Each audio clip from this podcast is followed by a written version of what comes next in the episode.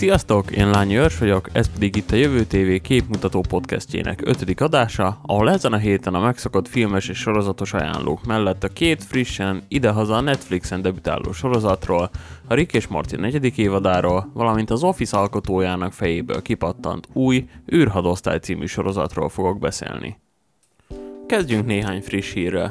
Június közepétől újra nyithatnak a hazai mozik. A koronavírus járvány miatt március közepe óta, vagyis lassan már három hónapja zárva tartanak a különböző kulturális intézmények, így a mozik, színházak és múzeumok is. A legtöbb hazai forgalmazó ezért átállt az online premierekre, még Hollywood nagyobb stúdiói inkább eltolták az év későbbi felére a kasszasiker várományos filmjeiket. Néhányan viszont ott is a streamingek vagy a video on demand szolgáltatásokra mentették át a megjelenésüket. Ugyan a járványveszély mostanra sem múlt el teljesen, a csütörtöki kormányinfón Gulyás Gergely miniszterelnökséget vezető miniszter bejelentette, hogy június 16-a után megszűnhet az az országos veszélyhelyzet, amelyet a koronavírus miatt hirdettek ki, így azt követően várhatóan újra megnyithatnak a hazai mozik, színházak és múzeumok is. Mint mondta, a rendezvényekre vonatkozó korlátozások továbbra is fennmaradnak, de az általános korlátozások megszűnnek, így a színházak, mozik, fürdők, múzeumok újra látogathatók lesznek a veszélyhelyzet megszüntetése után. Erről június 16-án szavaz majd az országgyűlés, ezt követően pár napon belül lép majd életbe a járványügyi készültség. A védőtávolságra, rendezvényekre, szórakozó helyekre, maszk használatra vonatkozó intézkedéseket az operatív törzs vizsgálja, ezekben nincs változás. Arról még nincs pontos képünk, hogy milyen filmek kerülhetnek majd mozikba, ugyanis az amerikai zavargások és a járványhelyzet miatt Amerikában továbbra sem várható nyitás. Bejelentették az idei tévés jelölteket a BAFTA brit díjátadóra. A koronavírus járvány a mozis megjelenésekkel ellentétben kevésbé érintette a tévésorozatokat, amik közül komoly alkotások láttak napvilágot az elmúlt évben. A BAFTA brit díjátadó ezért be is jelentette jelöltjeit a tévés kategóriában. Az elmúlt évek messze legjobb minisorozata, a Csernobil 14 jelölésével uralja a mezőnyt, amiből várhatóan a nagy részét be is fogja zsebelni, de épp úgy nagyot megy a Netflix The Crown című sorozata 7 jelöléssel. Phoebe Waller-Bridge szerelemgyereke az Amazon Prime-os Fleabag című sorozat szintén nem panaszkodhat hat jelölésével, ahogy a Giri Haji címet viselő Japánban játszódó Netflixes thriller sem szintén hat jelöléssel. A nyerteseket július 31-én jelentik be a BBC One adásában. A Marvel visszakapja a Daredevil jogokat, több médium is felhívta a figyelmet a Save Daredevil rajongói kampány május végi posztjára, amiben örömmel tudatják a Daredevil rajongóival, hogy már csak 6 hónap, és ismét a Marvel Studiosé lesznek a karakter jogai. Mikor Daredevil mozis és tévés jogai 2013-ban a Fox-tól a Marvelhez kerültek, a Marvel megegyezett a netflix hogy a streamingen lásson napvilágot a karakterről szóló sorozat. 2015-ben el is indult az első évad, Matt Murdock után pedig Jessica Jones, Luke Cage, Iron Fist és a megtorló is saját sorozatot kapott. Aztán ahogy a Disney nekivágott saját streaming szolgáltatójának, a Disney Plusnak, azonnal kaszálták az összes Netflixen futó sorozatukat, csak hogy a korábbi egyesség értelmében a Marvel a törlést követő két évig nem használhatja semmelyik korábban átadott karakterét sem. A Daredevil-t 2018 novemberében kaszálták, ez tehát azt jelenti, hogy a Marvel 2020 novemberében kaparinthatja meg újra a hős jogait, ahogy Luke Cage-ét és Iron Fist-ét is. A Jessica Jones-t és a megtorlót 2019 februárjában törölték, tehát 2021 februárjában fogja őket újra birtokolni a Marvel. Így nem kizárt, hogy a karakterek már 2021-ben bemutatkozhatnak a Disney streaming szolgáltatóján, vagy akár a mozifilmekben is. Új Alien film jöhet? A legutóbbi két Alien film finoman szólva sem okozott osztatlan sikert a nézőközönség körében, ám Ridley Scott rendező ezután sem mondott le a további filmek lehetőségéről. A Los Angeles Times-nak adott interjújában arról beszélt, milyen lehetőségeket lát az előzmények folytatására, melyek az 1979-es klasszikusban látott eseményeknek ágyaznának meg. Scott elmondta, bőven van még potenciál az Alien univerzumban, ám ehhez a franchise-nak újra kell fejlődnie. Mikor az első filmet készítettem, mindig azon gondolkodtam, hogy miért teremtene valaki egy eféle lényt, vagy miért járja az egyáltalán a világűrt. Úgy tekintettem rá, mint egy kvázi anyahajóra, mely magában hordozza ezt a rengeteg tojást. Ez a lényegi kérdés, a soron következő ötletnek pedig arra kell választ találnia, hogy ki, miért és milyen célral hozta világra ezeket a lényeket, mondta a rendező. Filmes és sorozatos megjelenések terén is érkeznek nagy nevek az elkövetkezendő héten. Június 12-én az amerikai Hulu streaming szolgáltató kínálatába érkezik majd a Crossing Swords című animációs középkori stílusú sorozat. Június 12-e pedig sűrű nap lesz a Netflixen is, ugyanis Spike Lee vietnámi háborús tematikájú filmje, a The Five Bloods mellett a Bill Burr humoristával fémjelzett animációs sorozat, az F is for Family is bemutatkozik a negyedik évadával. Érdemes lesz ezeket követni.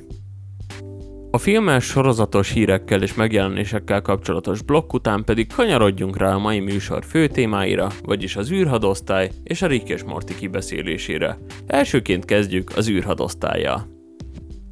Mikor 2013-ban véget ért minden idők egyik legnagyobb hatású szitkomja, az Office, sok rajongó és tévénéző érezhetett magában pótolhatatlannak tűnő űrt. Jöttek ugyan ezután is nagy sikerű sorozatok, például az agymenők, de egyediségében egyik sem tudott felérni a fent említett sorozat szintjére. Amikor idén a Netflix bejelentette, hogy az Office főszereplőjével, Steve Carell-lel és alkotójával Greg daniels készítenek új sorozatot, sokan felkapták a fejüket, és az eltelt hónapok alatt irgalmatlan hype alakult ki a sorozat körül, amit mi sem bizonyít jobban, mint hogy a héten ez volt a Netflix legnézettebb sorozata idehaza. Ez minden bizonyal betudható annak is, hogy az elmúlt hetekben komoly zavargások törtek ki Amerikában, amelynek kapcsán a rendőri brutalitás és a rasszizmus mellett Donald Trump amerikai elnök magatartása is komoly média vízhangot keltett, a sorozat pedig szinte leplezetlenül űzgúnyt az amerikai elnök karakteréből és kommunikációjába, még úgy is, hogy az elnök fel sem tűnik az egész sorozatban, a fő téma ugyanis minden figyelmet elvon. Az űrhadosztály ugyanis Amerika újraholdra szállásáról szól, valamint az elsegítő állami szervre, az űrhadosztály működésére fókuszál. A sorozat ezen része nem lehetne jobban aktuális, épp a hétvégén történt meg először, hogy egy magánkézben lévő cég, az Elon Musk által alapított SpaceX juttatott el két astronautát a nemzetközi űrállomásra, ezzel megtéve az első lépést a cég legfőbb célja, az űrturizmus lehetővé tétele felé. A sorozat alapvetően az űrhadosztály működését mutatja be, ezzel némileg visszanyúl az Office alapkarakter dinamikáihoz, viszont ezt megfűszerezi egy olyan közéleti politikai felhanggal, ami a politikailag aktív nézőket önmagában meg tudja nyerni. Viszont ettől eltekintve úgy halmozza a hibákat a sorozat, ahogy ez a nagykönyvben meg van írva. Egyrészt egy szituációs komédiától joggal várhatnánk el, hogy legalább minimális mértékben szórakoztató legyen, ám az űrhadosztály ezt néhány jól eltalált poént leszámítva képtelen elérni. Fájóan humortalan néha a sorozat, ami azért is különösen érdekes, mert a poén király Steve carell még sosem láttam ennyire kínos jeleneteket, pedig szerepelt már jó néhány pocsék filmben. Még az Office-ban sem volt ennyire kellemetlen nézni egy-két jelenetét, pedig annak a sorozatnak konkrétan ez volt a célja. Ezzel szemben a drámai vonulatok kiválóan működnek az űrhadosztályban. Az első néhány részen még erősen érezhető, hogy a sorozat készítői sem találták meg eleinte a téma eszenciáját, de az első évad második felére rájöttek, mi a trükk. Feltétlenül össze nem illő karaktereket rakni egymás mellé, ezáltal jobban megismerni a karaktereket és ez nagy rész működik is. A másik nagy pozitívuma a sorozatnak John Malkovich, akinek egyszerűen minden szerep jól áll. Egyértelműen látszik, hogy kiválóan felkészül a neki kiosztott szerepekre. Steve Carell szerepével ellentétben vicces, átélhető és egyben érzelmes is a karaktere, emellett ő felel a legfőbb történet szál végbemeteléért is. Az évad második felének hangsúlyos témájává válik az Amerika és Kína között húzódó konfliktus is, ami nem a Földön, hanem a Holdon eszkalálódik csatáig. Ebben elvitathatatlan sora lesz az amerikai elnöknek is, ami kapcsán egyáltalán nem lepődnék meg, ha a való élet is visszaigazolná ezt a jóslatot. A holdra való visszatérés egyébként is visszaszivárgott az elmúlt hónapokban, években a köztudatba, még Magyarország is saját űrhajóst akar juttatni a holdra az elkövetkezendő években, csak úgy, mint a világ vezető hatalmai, Kína, az USA vagy éppen India. Korábban már említettem, hogy Donald Trumpot és Elon Muskot is burkoltan elküldi melegebb éghajlatra a sorozat. Az elnök esetében kontrollálhatatlan dükitöréseiből, sokszor vállalhatatlan kijelentéseiből, korlátozott szókincséből, valamint a Twitteren zajló kormányzásából is viccet űznek. A First Lady Melania Trump sem maradt fricska nélkül az egész sorozat alatt, ám vele kapcsolatban mindössze divatérzékével kapcsolatban tesznek néhány kijelentést. Elon Musk, akit az új évszázad vasemberének is szoktak nevezni, a sorozatban egy női alteregót kap, Kelly King szerepében, akinek forradalminak kihiáltott találmányairól derül ki, hogy ócska bóvlik, és minden terméke csupán a marketing kampány miatt fut ennyire. Ugyan Elon Muskról ezeket nem lehet teljes egészében kijelenteni, mégis megfigyelhető valamiféle kapcsolat. A Tesla autóit ugyanis az USA-ban önvezető autóként reklámozzák, miközben ennek a valóban 100%-ban automatizált működő technológiának a feltalálásától még minimum 5-10 évnyire vagyunk. A marketing kampány viszont elhitette az emberekkel, hogy nem kell figyelniük az autójukra, ami miatt már több halálos baleset is történt az országban. A sorozat tehát aktuálisan fontos karaktereket és konfliktusokat is a humor célkeresztjébe tűz. Összességében tehát az űrhadosztály nem egy hétköznapi sorozat, ami megpróbálja továbbvinni az Office sorozat receptjét, de egyértelműen kijelenthető, ez nem sikerül neki.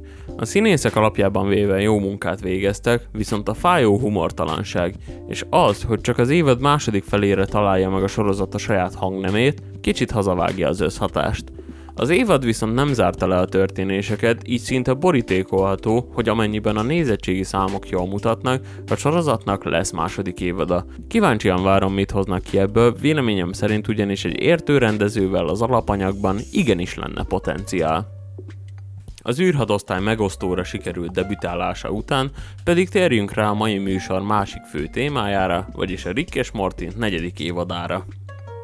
2013-ban, amikor Justin Roiland és Dan Harmon elkészítették a Rick és Morty pilot epizódját, bizonyára senki még az alkotók sem gondolták volna, az animációs sorozatok műfajának aktuálisan legmeghatározóbb darabja lehet majd a széria.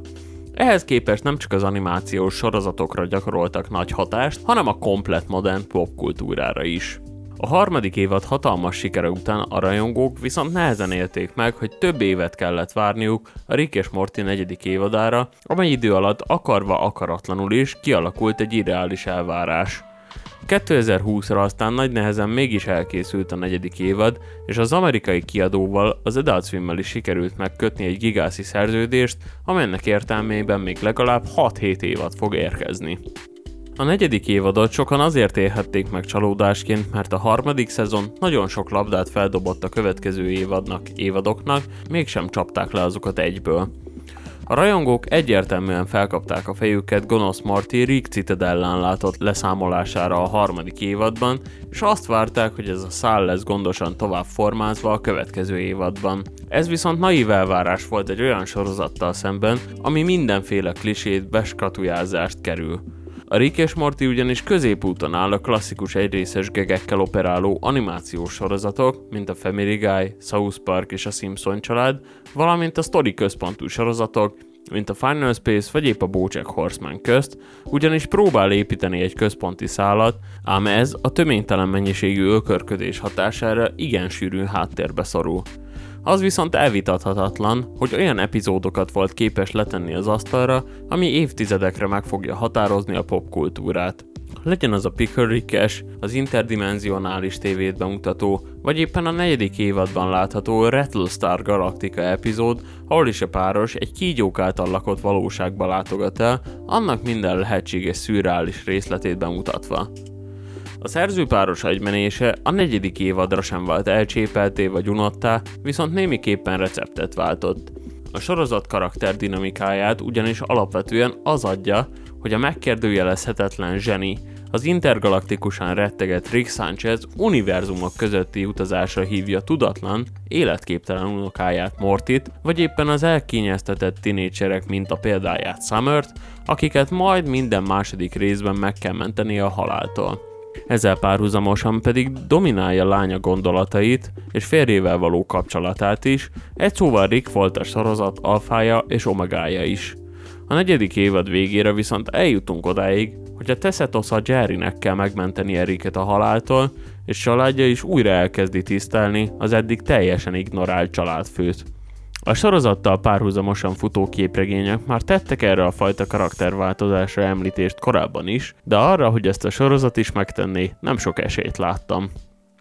A karakterdinamika pálfordulása mellett az is érdekes, hogy elkezdtek a karakterek motivációinak és érzelemvilágának mélyére ásni. Erre a fajta lelkizése pedig igenis szükség van egy sorozatnak akkor, ha annak játékidejét 90%-ban a poénok és az akció viszi el.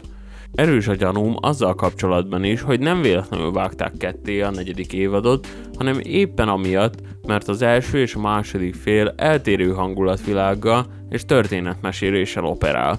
Az első fele a szürreális sztorikat kedvelőknek, míg a második fele sokkal inkább a rajongóknak szól. Az viszont, hogy a második évad fele a rajongóknak szól, nem jelenti azt, hogy azok feltétlenül elégedettek lesznek vele. Már csak azért sem, mert sokkal inkább fókuszál arra ez a néhány rész, hogy felbőszítse a rajongókat, mint arra, hogy érdemben tovább körgesse a történetet. Mint eddig minden évad esetében most sem lehet azt mondani, hogy Rick és Morty elkezdett volna unalmassá válni. Ez egyszerűen hazugság lenne. Még mindig ugyanolyan szórakoztató, mint az elején, még mindig ugyanannyira szembeköpi a politikai korrektség szabályrendszerét, és igen, még mindig olyan pofátlanul lop el komplex történetszálakat a híres franchise-okból, mint tette azt az első évad során is. Sokkal inkább a hezitálás érződik az évadon azzal kapcsolatban, hogy maguk a készítők sem tudják valószínűleg eldönteni, hogy a fő történetszára kellene inkább fókuszálni, vagy inkább sudba dobni az egészet, és visszatérni a South Park vagy épp a Family Guy által már megismertetett, következmények nélküli témaválasztáshoz. Minden esetre reméljük, hogy ez kikristályosodik a következő évadig, és az már hasonló tökösséggel tudja majd folytatni a korábbi évadok által már lefektetett alapokat. Ennyi lett volna már a képmutató, én nagyon szépen köszönöm, hogy velem tartottatok, jövő héten némileg eltérő módon egy kibeszélővel fog jelentkezni a képmutató, ahol az HBO Go egyik legújabb sorozatát, a Mrs. Amerikát fogjuk kibeszélni vendégünkkel. Hallgassatok továbbra is minket Soundcloudon, Spotify-on, vagy bárhol, ahol elérhetőek vagyunk, valamint nézzétek és olvassátok a Jövő TV oldalát. Jövő héten újra találkozunk, sziasztok!